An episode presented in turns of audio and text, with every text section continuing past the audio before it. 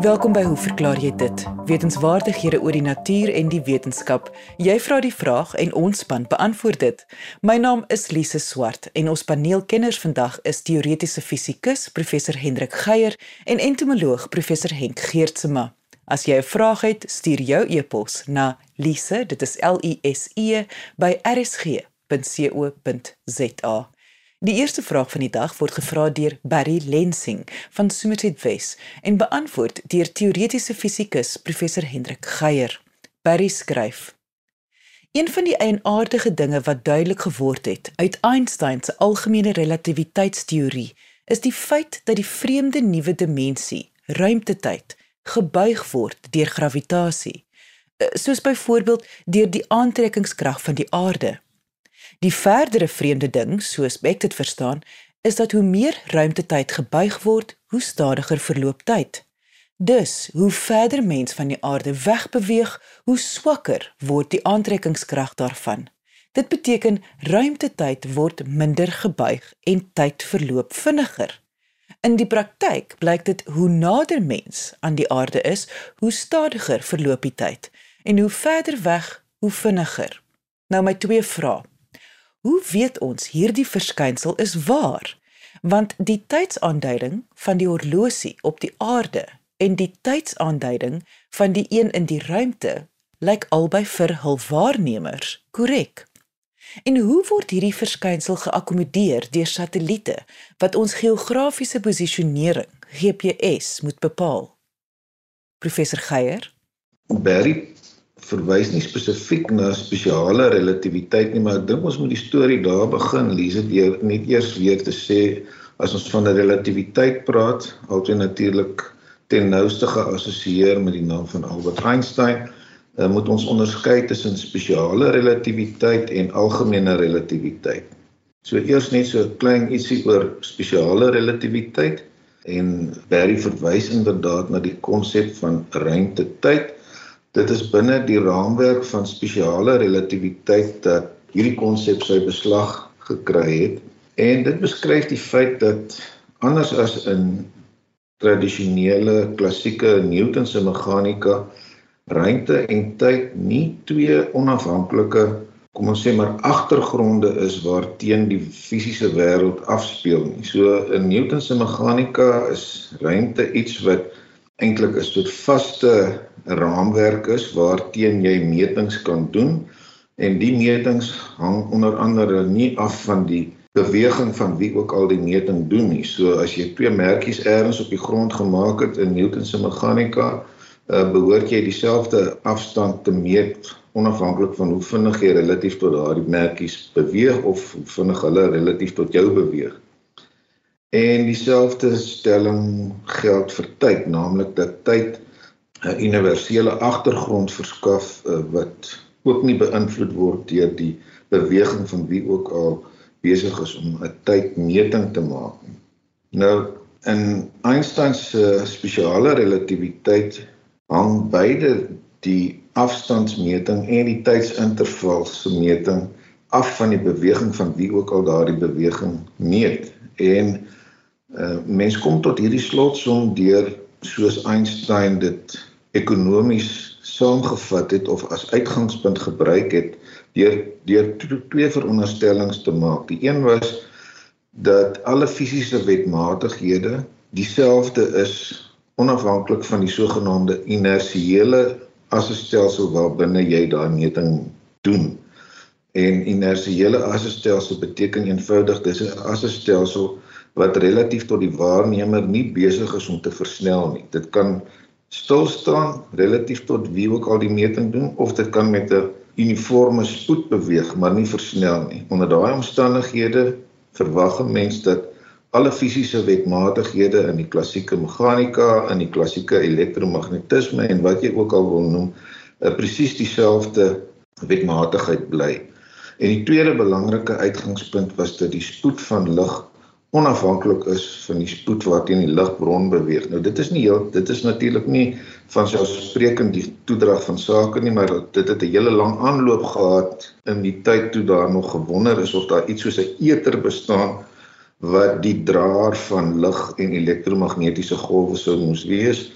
ehm um, soos wat 'n mens verwag het of geweet het dat daar vir elke ander tipe golf wat bekend was 'n medium is waardeur dit moes voortplant en daar was bekende eksperimente soos die sogenaamde Michelson-Morley eksperiment wat bewys het dat so iets soos die eter inderdaad nie bestaan nie en dit het met tyd gebleik dat die implikasie hiervan is dat ligspoed onafhanklik is van die bron uh, wat die lig uitstraal. Nou met daai twee uitgangspunte kom jy dan uiteindelik tot die slotsom dat die tempo van 'n bewegende oorlosie stadiger is as die van 'n identiese stilstaande oorlosie. Dit is waar die idee van tyduittrekking vandaan kom. En soortgelyk as jy 'n meting doen van 'n 'n afstand, sê maar die afstand tussen twee merkies op 'n stok en daardie stok is besig om relatief tot jou te beweeg, dan meet jy 'n korter afstand. Dit is waar die konsep van ruimtekrimping vandaan kom. So dit is die implikasie van van spesiale relativiteit dat tydmeting en afstandsmeting afhanklik is van die spoed waarteen die waarnemer relatief tot dit wat gemeet gaan word uh, beweeg. Maar 'n belangrike uitvloeisel van spesiale relativiteit was dat daar nietemin 'n spesiale kombinasie van ruimte en tyd is, die sogenaamde interval. En ek gaan nou nie in op die tegniese aspekte hiervan nie. Dis 'n spesiale kombinasie van ruimte en tyd wat die sogenaamde interval bepaal. En hierdie interval aan die een kant, soos ons nou reeds gesê het, sit jy met tyd uittrekking, aan die ander kant met ruimte inkrimping, maar die kombinasie is so dat onafhanklik van die beweging die interval konstant bly en dit is dit het belangrike implikasies. So wat mense hier uit leer en dit is waarna Barry ook verwys het is dat ruimte en tyd baie eng verknoop is anders as wat ons in ons algemene daaglikse waarnemings natuurlik opmerk. En die rede is dat hierdie spesiale relativiteitseffekte eers noemenswaardig word wanneer die relatiewe beweging naby ligspoed is. Nou op aarde is daar niks wat eers naby ligspoed kan beweeg nie. Is geen wonder dat 'n mens nie eintlik regtig hiervan bewus is nie. So op menslik waarneembare skaal het spesiale relativiteit vir alle praktiese doeleindes geen implikasies nie. Jy luister na Hoe verklaar jy dit? Saam met my Lise Swart net hier op RSG.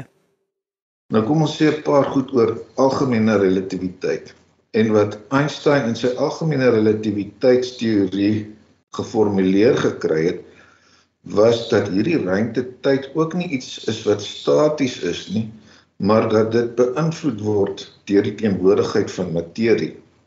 So dit word dikwels so gestel dat mens kan sê materie bepaal die mate van kromming van ruimtetyd en die mate van kromming dikteer op sy beurt weer hoe materie gaan beweeg.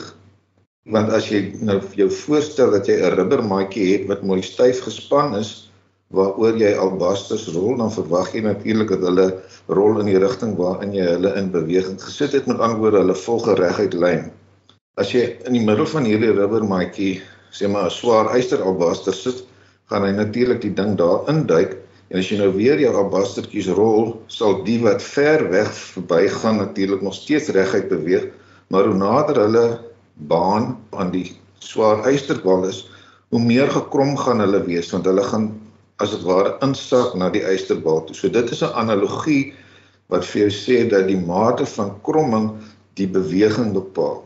Nou soos Barry dit gestel het, die feit dat ruimtetyd deur materie beïnvloed word, het uiteindelik ook 'n invloed op tydsbepaling en dit was nou een van die sogenaamde klassieke voorspellings van algemene relativiteit dat tyd verloop stadiger na mate die gravitasieveld se sterkte toeneem.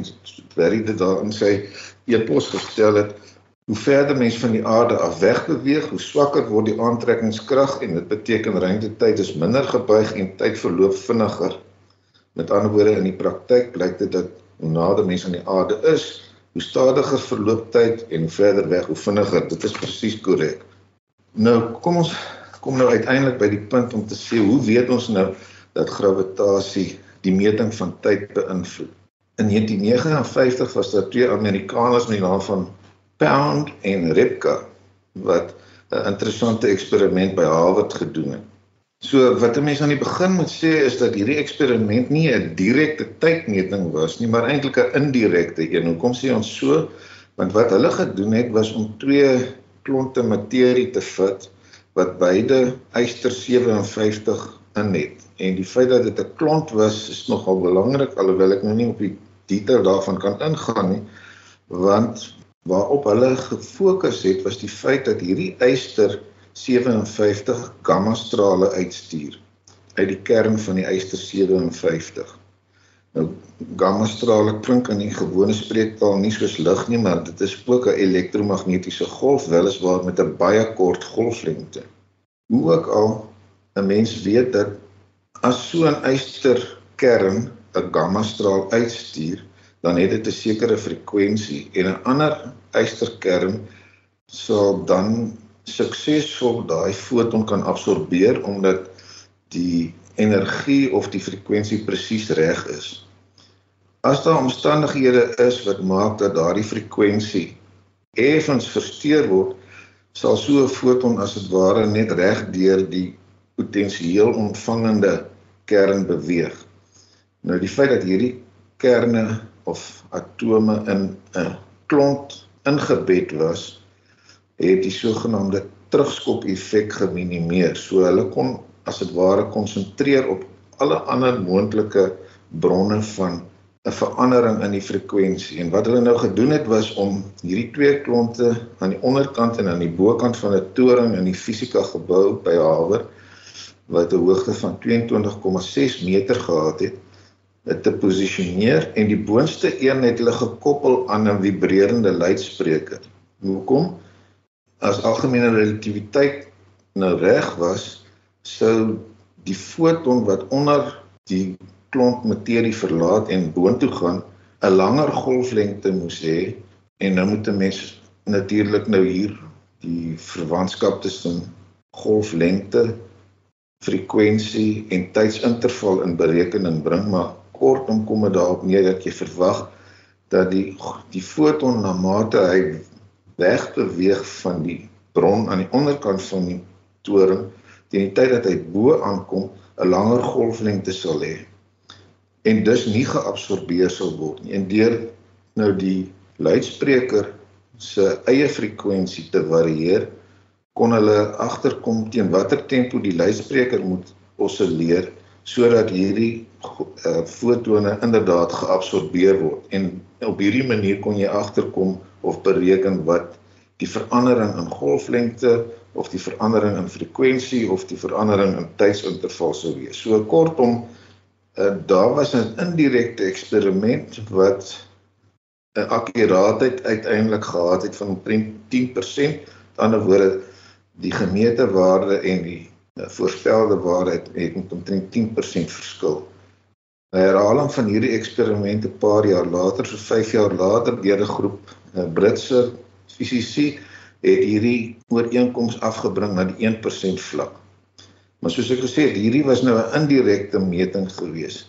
Ons kom baie nader aan 'n direkte meting as ons gaan kyk wat in Oktober 1971 gebeur het toe twee Amerikaners, Hafle en Keating, vier cesium atoom oorlosies op twee kommersiële vliegtye geplaas het wat uh, van die Amerikaanse vlootbasisse op opgestyg het en twee keer rondom die aarde gevlieg het, een keer oos, een keer wes.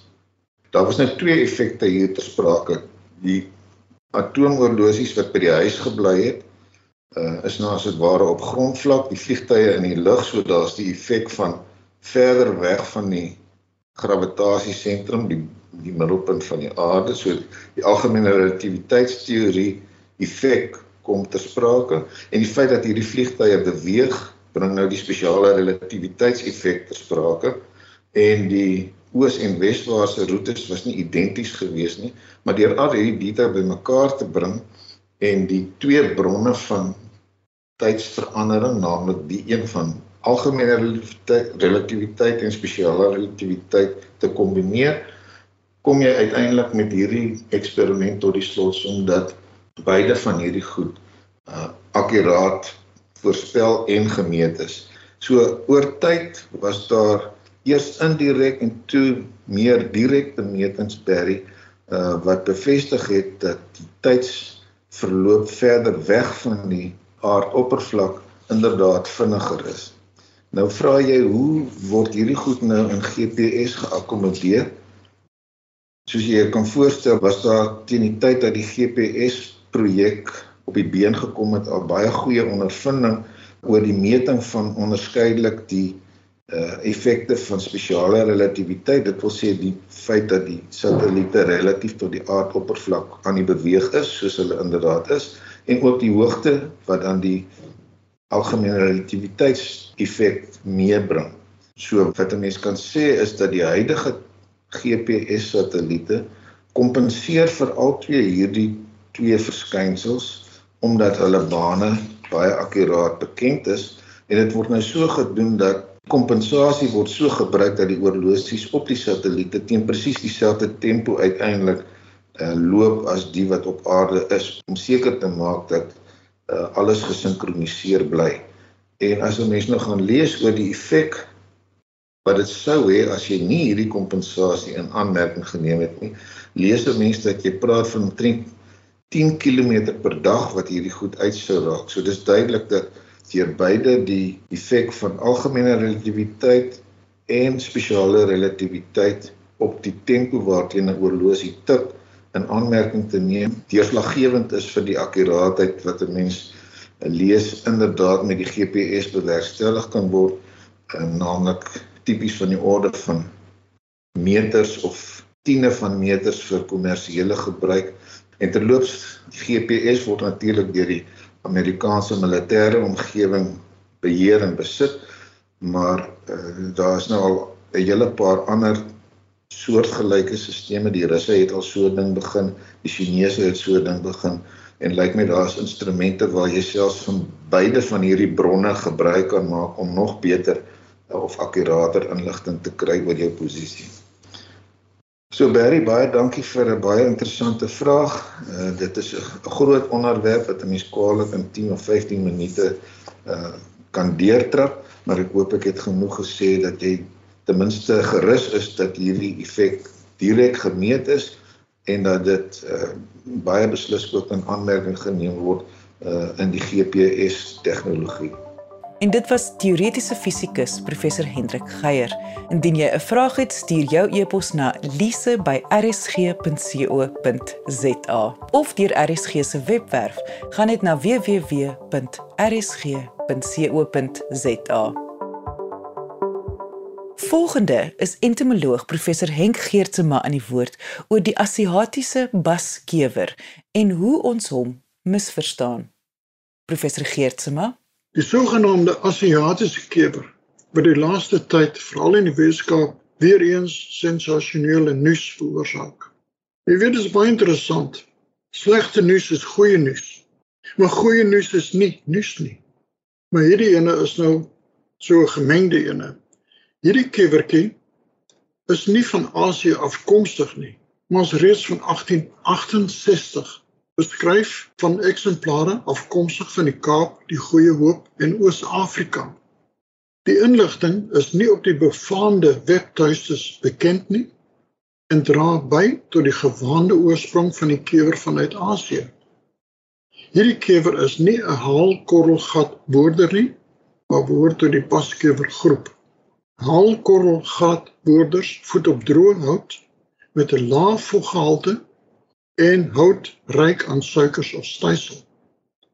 Basgewers voed op swamliggame of weefsel wat hulle in tonnels onder die basoppervlakte van bome teel en kom net voor in bome wat onder spanning, soos byvoorbeeld vreemde groeiplekke of onder ongunstige weerstoestande soos droogtes leef.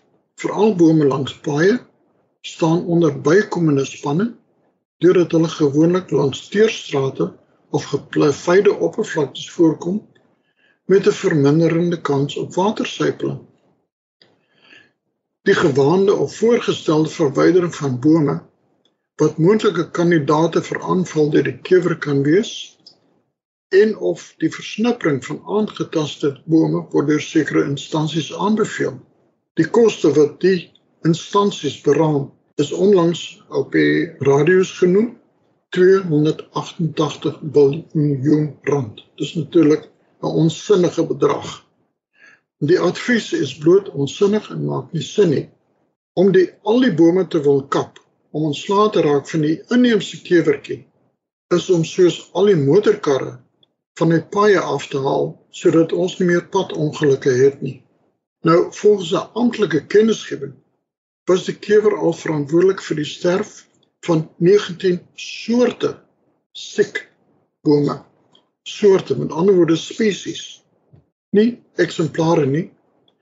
En my vraag is altyd van waar kry die departement van omgewingsake bosbou, vissery en wat ook al, waar kry hulle die inligting? Ek vra my net. Jy luister na Hoe verklaar jy dit? Saam met my, Lise Swart, net hier op RSG. Bestrydingsopsies wat beskikbaar is. Die maklikste een is natuurlik net om 'n kwassie te neem met 'n bietjie kreosout daarop en so gou mense 'n boorgaatjie in 'n boom vind in jou tuin, die kreosout daarop te dip en die kewertjie se eiertjie wat hy daarin gelê het, gaan tot niet. Ja, kyk hierdie hierdie kewertjie, ehm um, uh as ek klaar gepaar het, dan kom die wyfie, dan boor die wyfie 'n klein gaatjie deur die bas. En dis waar die naam van die korrelgat boorder vandaan kom. Maar die ding is uh en dan draai hulle om en lê eiertjie in die wond wat hulle gemaak het in die bas. Die eiertjies sal uitbroei en die larwetjie vorm. Van die kewers gaan egter self boor hulle onder die bas in en vorm tonnels. En in daardie tonnels lê hulle uh en okuleer hulle wat noem die swamspore en die swamme ontwikkel dan daar dan word die eiertjies gelê en die larwetjies wat uit die eiertjies uitkom, die voed dan op by die swamme. Hulle voed glad nie op die hout nie. Kiewers kom algemeen voor in dennebome byvoorbeeld wat gekap is of wat uh, laat staan is. Maar die ding is hulle tas nie die hout aan nie en baie van die byvoorbeeld die dennehout word blou gekleur vanweë die uh, onttrekking van uh, materiaal uit die plant se die houtselle. En dan word die hout blou gekleur, maar die sterkte van die hout word glad nie geaffekteer nie. En die aanbeveling om met die bome te kap en op te snipper is amper onsinnig. Want die ding is die hout is heeltemal bruikbaar om te saag of om te gebruik vir brandhout. En nou kom ons byvoorbeeld by die interessante geval waar die Kaapse Natuurorganisasie die provinsiale departement het nou mense verbied om hulle eie braaihout te bring in 'n natuurreservaat vir die vrees dat hierdie inheemse kewer sal versprei in die natuurreservaat. Maar as die kewer dit wil doen, dan sal die kewer daar wees. En dit maak nie saak hoeveel stryding ons gaan doen teen hierdie kewer. Die kewer gaan nog steeds met ons wees soos wat hulle al die miljoene jare is. So ek raak sommer opgewonde as ek hoor wat hierdie raadgewers en self aangestelde spesialiste kwytraak oor die bestryding van hierdie sekondêre plaag. En dit was entomoloog professor Henk Geertsma. Indien jy 'n vraag het, stuur jou e-pos na lise, dit is L I S E by rsg.co.za. Onthou jy mag onder 'n skuilnaam skryf of vra om anoniem te bly. Ek sê baie dankie aan ons kenners en vraagstellers vandag. Onthou om altyd nuuskierig te bly en vra te vra. Tot volgende week net hier op RSG saam met my Lise Swart. Totsiens.